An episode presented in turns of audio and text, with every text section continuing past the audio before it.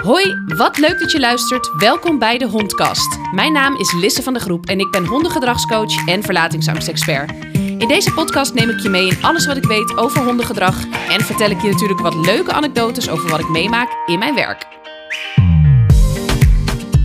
Hallo, wat leuk dat je weer luistert naar een nieuwe podcast. Vandaag ga ik het met je hebben over de vraag: mogen we nog nee zeggen tegen onze hond? En misschien denk je nu: is dat een vraag dan? Maar ja, dat is best een thema tegenwoordig in hondenland. De visie die wij op honden hebben en vooral de visie op hoe we omgaan met onze honden, die is de afgelopen jaren best wel heel erg veranderd. Vroeger was er heel erg een visie dat je met je hond omging vanuit een hiërarchische positie. Dus wij als mensen staan boven de hond en de hond staat onder ons. En dat moest eigenlijk doorsluimeren in ja, alles wat je met je hond doet. Als je thuis komt na een wandeling, dan moet jij eerst naar binnen en dan pas mag de hond door de deuropening heen stappen. Als je s'avonds aan het eten bent, mag jouw hond pas zijn maaltijd krijgen als jij klaar bent met eten. Um, nou, en zo zijn er een heleboel voorbeelden van hoe we vroeger omgingen met honden die nu gelukkig best wel achterhaald zijn. Nog zo'n klassieker dat je een puppy door zijn eigen plas moet heen halen op het moment dat hij per ongeluk binnen geplast heeft. Nou, het zijn allemaal manieren van omgaan met onze honden die heel erg voortkomen uit het idee dat jij als mens boven de hond staat en dat de hond zijn plek moet weten, tussen aanhalingstekens. Dat is heel erg hoe we vroeger, jaren geleden, naar honden keken.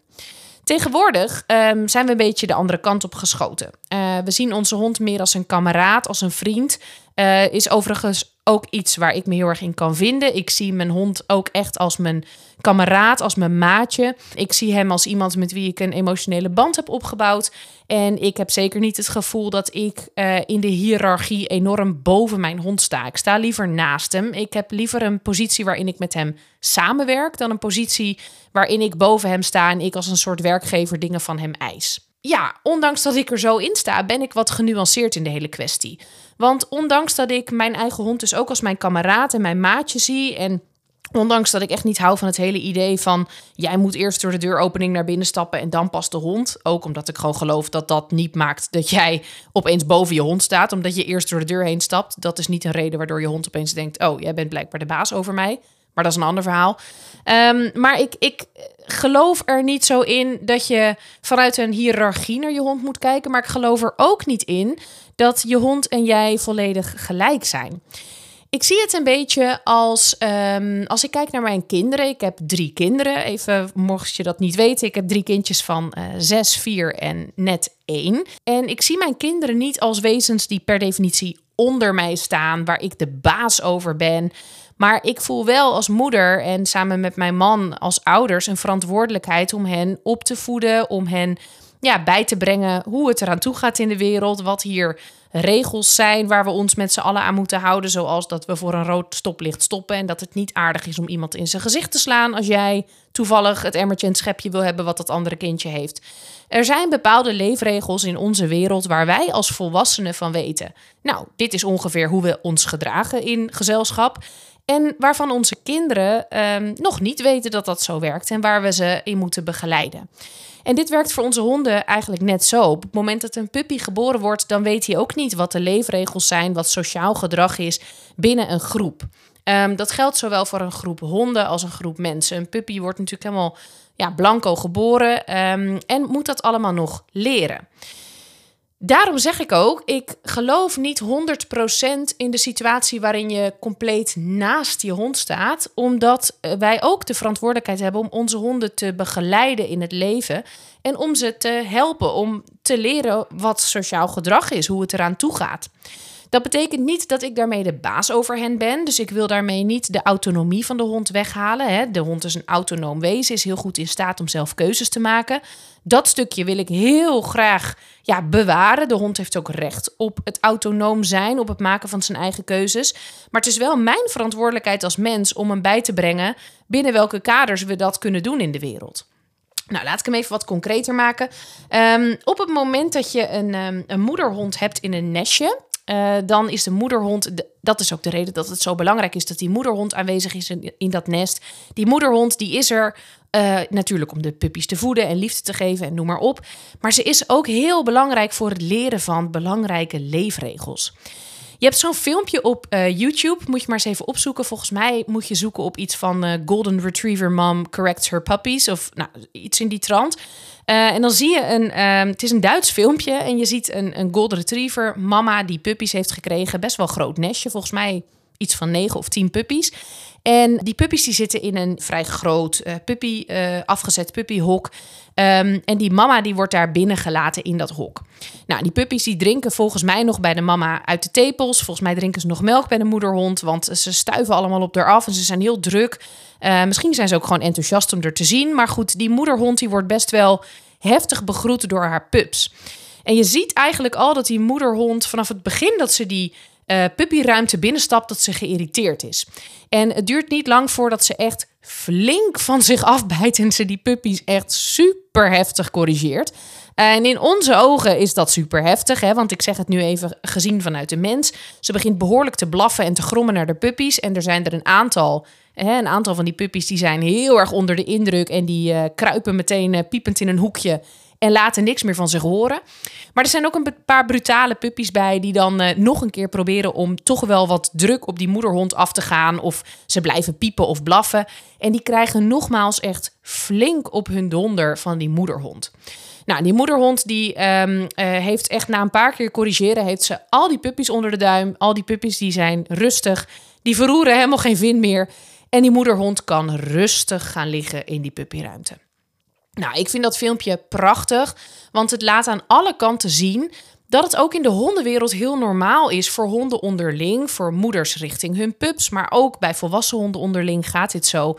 Dat er een hond is die een, meer leidende positie inneemt en die bepaalt ja, hoe het eraan toe gaat in die, in die groep honden op dat moment, in die roedel. Deze moederhond geeft heel duidelijk aan aan haar puppies: Oké, prima dat jullie bij mij willen drinken, dat snap ik allemaal best, maar je gedraagt je normaal. Als ik hier die puppyruimte instap, wil ik niet besprongen worden. Jullie doen rustig. En pas als het rustig is, dan ben je welkom om bij mij te komen drinken. En dat zegt ze heel duidelijk en in onze ogen bijna gemeen. Hè? Ze gromt, ze blaft, ze doet best wel heel erg onaardig en fel tegen haar pupjes. Maar die puppies leren daarmee een superbelangrijke les, namelijk ik moet me gedragen. En dit is iets wat wij als mensen een beetje verleerd zijn. Sowieso hè, is het belangrijk om je te realiseren. Wij kunnen nooit als mensen zo'n moederhond helemaal nabootsen. Want ja, wij communiceren anders. Hè. Er zit toch al een beetje ruis op de lijn, omdat wij mensen zijn en een hond is een hond. Dus in onze communicatie gaat er al iets niet helemaal uh, recht. Hè, want we communiceren anders, we zijn andere wezens. Maar de manier waarop zo'n moederhond haar puppies corrigeert, laat wel zien dat het heel effectief kan zijn binnen een groep honden om heel duidelijk te maken: dit zijn de leefregels in deze roedel en dit is hoe je je gedraagt als jij in deze roedel wil blijven. Ergens onderweg zijn wij dat een beetje vergeten. We zijn er jaren geleden natuurlijk heel erg in doorgeschoten hè, met onze sliplijnen en allerhande maatregelen om te zorgen dat de hond in feite een soort van gedwongen wordt om naar ons te luisteren. Omdat wij bijvoorbeeld met, uh, met hulpmiddelen zorgen dat de hond niet anders kan dan luisteren. Dat is best heftig. Kijk, die moederhond, als we hem nog even daarmee vergelijken, die puppies die hoeven in feite niet naar haar te luisteren als zij blaft en gromt. Die moederhond heeft zulk enorm overwicht over haar puppies en haar communicatie is zo duidelijk dat er helemaal geen discussie meer uh, plaatsvindt over gaan we wel of niet naar die moeder luisteren. Nee, uiteindelijk doen alle puppies dat. Besluiten alle puppies: oké, zij is op dit moment de baas. Zij bepaalt hoe het hier gaat. Zij bepaalt het rijlen en zeilen we luisteren naar haar. We, um, ja, we, we conformeren ons naar de leefregels die zij hier nu opstelt. Dit gaat dus helemaal niet over hulpmiddelen, sliplijnen, weet ik het wat. Dat is wat wij als mensen doen. Hè? We hebben het idee, oké, we weten niet zo goed hoe we ervoor moeten zorgen dat een hond ons volgt en dat hij ons gezag accepteert. Dus we zetten maar allemaal hulpmiddelen in om de hond als het ware te dwingen om naar ons te luisteren. Maar dat is ook niet de way to go. Even los van het feit dat het absoluut niet uh, hondvriendelijk is om met een sliplijn te werken. Of je hebt ook wel van die banden gehad. Gelukkig zijn die nu verboden. Maar met van die punten in de halsband. Dat op het moment dat een hond bijvoorbeeld gaat trekken aan de lijn, dat die punten gewoon in zijn keel duwen. Nou ja, dat is uh, sowieso iets waarvan ik denk: ik ben blij dat het niet meer mag. Want het is absoluut niet hondvriendelijk. Maar daarnaast heeft het ook niks te maken met jouw gezag. Want als jij met zo'n slipband loopt Waarom loopt de hond dan netjes met je mee? Niet omdat hij heeft besloten: oké, ik heb echt nou respect voor mijn baasje en ik wil hem wel volgen. Ik wil wel meegaan in de leefregels die hij opstelt. Ik neem hem serieus. Nee, dat is helemaal niet waarom je hond naar je luistert. Je hond loopt netjes mee aan de lijn omdat hij niet anders kan, omdat hij anders hartstikke veel pijn heeft.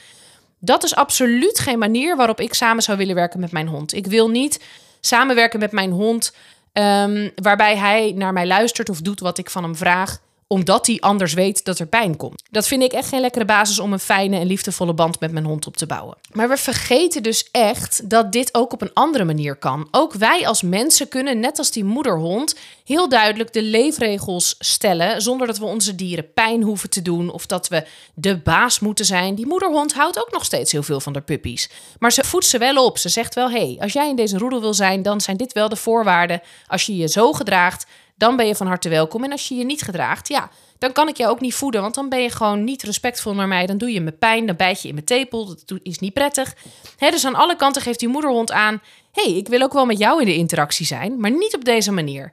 Even op een andere manier. Je gaat je nu even rustig gedragen en dan ben je van harte welkom. Het is gewoon iets wat honden onderling ook doen. Ik zie het bij Louis, mijn eigen hond, ook. Die neem ik regelmatig mee als ik een uh, live sessie heb, dus bij mensen op locatie. Um, een tijdje geleden had ik een, uh, een puppy-traject lopen met een, uh, een puppy. Um, nou, en dan neem ik Louis mee. Ook om tijdens het wandelen te kijken van... hé, hey, wat gebeurt er met die pup en met Louis als volwassen hond? Hè? Mijn eigen hond is 7,5. Wat gebeurt er in de interactie en in hoeverre kan Louis een mooie bijdrage leveren aan de opvoeding van dit pupje? Nou, en al heel snel kwam er een moment uh, waarop het pupje eigenlijk te druk was. Pupje is natuurlijk nog heel speels, hè? een jong hondje. Wilde heel graag met Louis spelen. En uh, nou, Louis is 7,5, die had er helemaal geen zin in. Maar het pupje bleef maar aandringen. Hè? Dus dat hij één keer probeert om te spelen. Ja, super logisch, is puppygedrag dat hij het twee keer probeert. Oké, maar bij de derde keer dacht Lewis: Ik heb je nu al twee keer verteld dat ik hier geen zin in heb. Hè, door gewoon rustig even te blaffen en aan te geven: hey, ik heb geen zin in dat je tegen me opspringt. En bij de derde keer was Lewis het echt zat. Toen het pupje voor de derde keer tegen hem aansprong, gaf hij echt een flinke correctie. Waarbij hij even gromde, zijn bovenlip optrok, blafte naar het pupje en heel duidelijk aangaf: Ik ben het nu zat dat je de hele tijd tegen mij opspringt. Ik wil niet spelen. Hou op. Nou, het pupje was daar heel erg van onder de indruk. Die kroop half in de bosjes. Die dacht echt even, wat heb ik nou aan mijn broek hangen? Help, die grote witte herder, die uh, corrigeert wel heel flink. Maar daarna, het pupje kwam ook heel snel de bosjes weer uit. Dan wint de nieuwsgierigheid het toch. De correctie van Lewis was ook hè, pijnloos. Er werd niet gebeten, er werd niks gedaan. Lewis gaf gewoon heel duidelijk zijn grens aan. Nou, pupje kwam heel snel weer tevoorschijn. En daarna hebben we een prachtige wandeling gehad. Waarbij het pupje heel veel respect heeft getoond voor Lewis. Hè, en de Lewis-grens ook heel mooi heeft gerespecteerd. En dit gaat niet over de baas zijn. Dit gaat over elkaars grenzen respecteren. Waarbij Lewis duidelijk aangeeft: hey, ik stel een grens, want ik vind het niet fijn dat je de hele tijd tegen mij aanspringt. En waarbij de pup leert: oké, dit is dus hoe Lewis een grens stelt. Hij vindt het niet fijn, dan luister ik daarnaar. Dit gaat helemaal niet zozeer over hiërarchie. Ja, natuurlijk gaat het wel een beetje over hiërarchie. Hè? Want Lewis als oudere hond heeft wel degelijk een andere positie dan de pup die net komt kijken. Dus Lewis wordt ook als senior hond wel gerespecteerd. Um, maar het gaat ook gewoon heel erg over de manier waarop je met elkaar omgaat.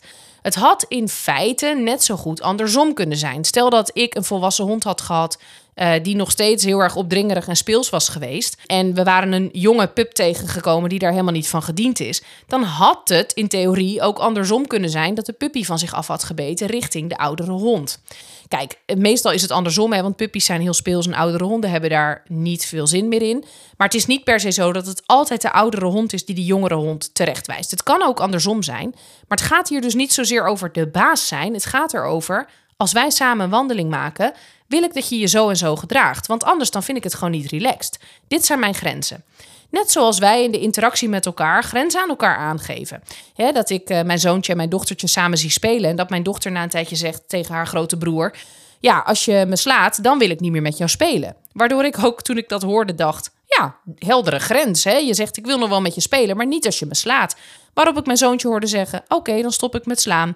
En toen gingen ze verder met spelen. Het is gewoon afstemmen van: hé, hey, hoe is onze interactie? Hoe gaan wij met elkaar om? Nou, en dit zijn wij eigenlijk een klein beetje kwijtgeraakt. Niet helemaal natuurlijk, maar wij durven nog zo weinig tegen onze hond te zeggen: hey, dit zijn de leefregels die hier in huis gelden. En het is belangrijk dat je je daaraan houdt, want op die manier kunnen we prettig met elkaar samenleven. Ik zie heel vaak als ik bij mensen thuis kom dat honden wel heel veel vrijheid krijgen om 100% hun eigen ding te doen. Om uh, tegen het bezoek op te springen als die binnenkomen. Om maar constant om aandacht te blijven vragen en dat dan ook de hele tijd krijgen. En dan denk ik, hé, hey, Waar is je nee? Waar is je grens? Zeg je nog een keer dat dit gedrag niet relaxed is. Niet omdat je de baas bent over je hond, niet omdat jij de dominante moet zijn, hè, daar geloof ik helemaal niet in, maar gewoon omdat het gezond is om in een huishouden waar meerdere wezens leven leefregels en grenzen te hebben. Ik vind het bijvoorbeeld niet fijn dat als ik bij mensen thuis kom die een hond hebben, dat ik besprongen word door de hond op het moment dat ik over de drempel heen stap, dat ik het huis binnenkom. En ik merk dat heel veel mensen tegenwoordig best wel terughoudend zijn met het aangeven richting de hond van hé, hey, dit is gewoon niet oké. We willen gewoon niet dat je dit doet.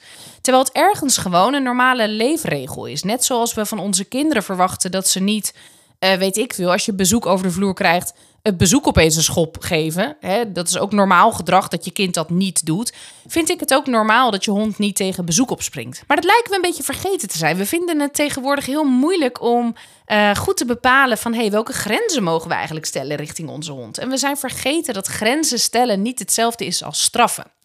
Kijk, als jij met zo'n band loopt, waar ik het eerder in deze podcast over had, hè, met een band met prikpunten erin. En dat als je hond trekt aan de lijn, dat hij die prikpunten in zijn keel geduwd krijgt. Dat is straffen en dat is niet oké. Het is niet alleen oké omdat het echt het welzijn van de hond aantast. Het is niet oké omdat het anders kan. Ik bedoel, je kunt je hond prima leren om niet te trekken aan de lijn zonder dit soort nare hulpmiddelen. En het is niet oké omdat het ook helemaal niet past bij de manier waarop honden van nature het makkelijkste leren. Honden leren heel graag beloningsgericht. Dat is ook hè, wetenschappelijk bewezen dat dat de manier is waarop ze het beste leren. Dus waarom zouden we in vredesnaam dat soort methodes gebruiken als het helemaal niet nodig is? Maar straffen is echt wat anders dan grenzen stellen. Grenzen stellen gaat heel erg over 100% consequent zijn. Gaat heel erg over duidelijke regels hebben. Dit is wat ik van je verwacht en dit is gedrag wat ik niet wil zien. Het gaat heel erg over dat niet alles mag en dat dat ook niet hoeft. En dat is ook niet nodig. Als ik kijk naar mijn drie kinderen, dan mag ook niet alles. En daarmee zijn ze niet zielig. Daarmee is gewoon heel duidelijk welk gedrag wij wel en welk gedrag we liever niet willen zien. Ik wil niet dat als mijn kinderen uit het bos komen en ze modderlaarzen hebben, dat ze vervolgens over de bank heen lopen. Dat is niet omdat ik hen die vrijheid niet gun, maar dat is gewoon omdat ik het fijn vind dat ze netjes omgaan met een bank waar ik heel veel geld voor heb betaald. Zo werkt hij ook met mijn hond. Ik wil niet dat mijn hond tegen bezoek opspringt, omdat ik het A niet fijn vind als het bezoek bijvoorbeeld net een witte broek aan heeft en mijn hond met zijn vieze poontjes daar tegenaan springt. Maar B, omdat ik het gewoon geen beleefd gedrag vind. Zo begroet je iemand niet die je niet kent. Als je iemand niet kent, dan duik je daar niet meteen bovenop. Doen wij als mensen ook niet. Dan tast je eerst even af, je zegt vriendelijk hallo. En dit zijn ook dingen die je hond prima kan leren. Maar dat lijken we echt wel een beetje vergeten te zijn. Je mag nee zeggen tegen je hond. En als je dat lastig vindt, als je merkt dat je het lastig vindt om duidelijk grenzen te stellen naar je hond, ga dan eens bij jezelf na wat voor jou echt belangrijke waarden zijn in het leven met je hond. Wat vind jij belangrijk? En het gaat dus helemaal niet over de baas zijn, het gaat over een situatie creëren waarin jullie als huisgenoten en ook richting bijvoorbeeld mensen die af en toe bij jou over de vloer komen, waarin jullie een prettige onderlinge samenwerking hebben, waarin jullie een prettige manier van omgaan met elkaar hebben, waarbij rekening gehouden wordt met zowel de grenzen van je hond als met jouw grenzen. Nou, genoeg denkstof weer voor deze week. Uh, dit was de podcast. Ik ben benieuwd wat je ervan vindt. Dus het lijkt me ook leuk als je erop reageert. Dat kan via Spotify. Je mag ook op Instagram een berichtje achterlaten. Maar ja, laat eens weten hoe dat er voor jou uitziet. Dat grenzen stellen richting je hond en hoe jij daar naar kijkt. Ik, uh, ik ben daar benieuwd naar. Ik ben er volgende week weer met een nieuwe podcast. En uh, nou, hopelijk tot dan. Doeg!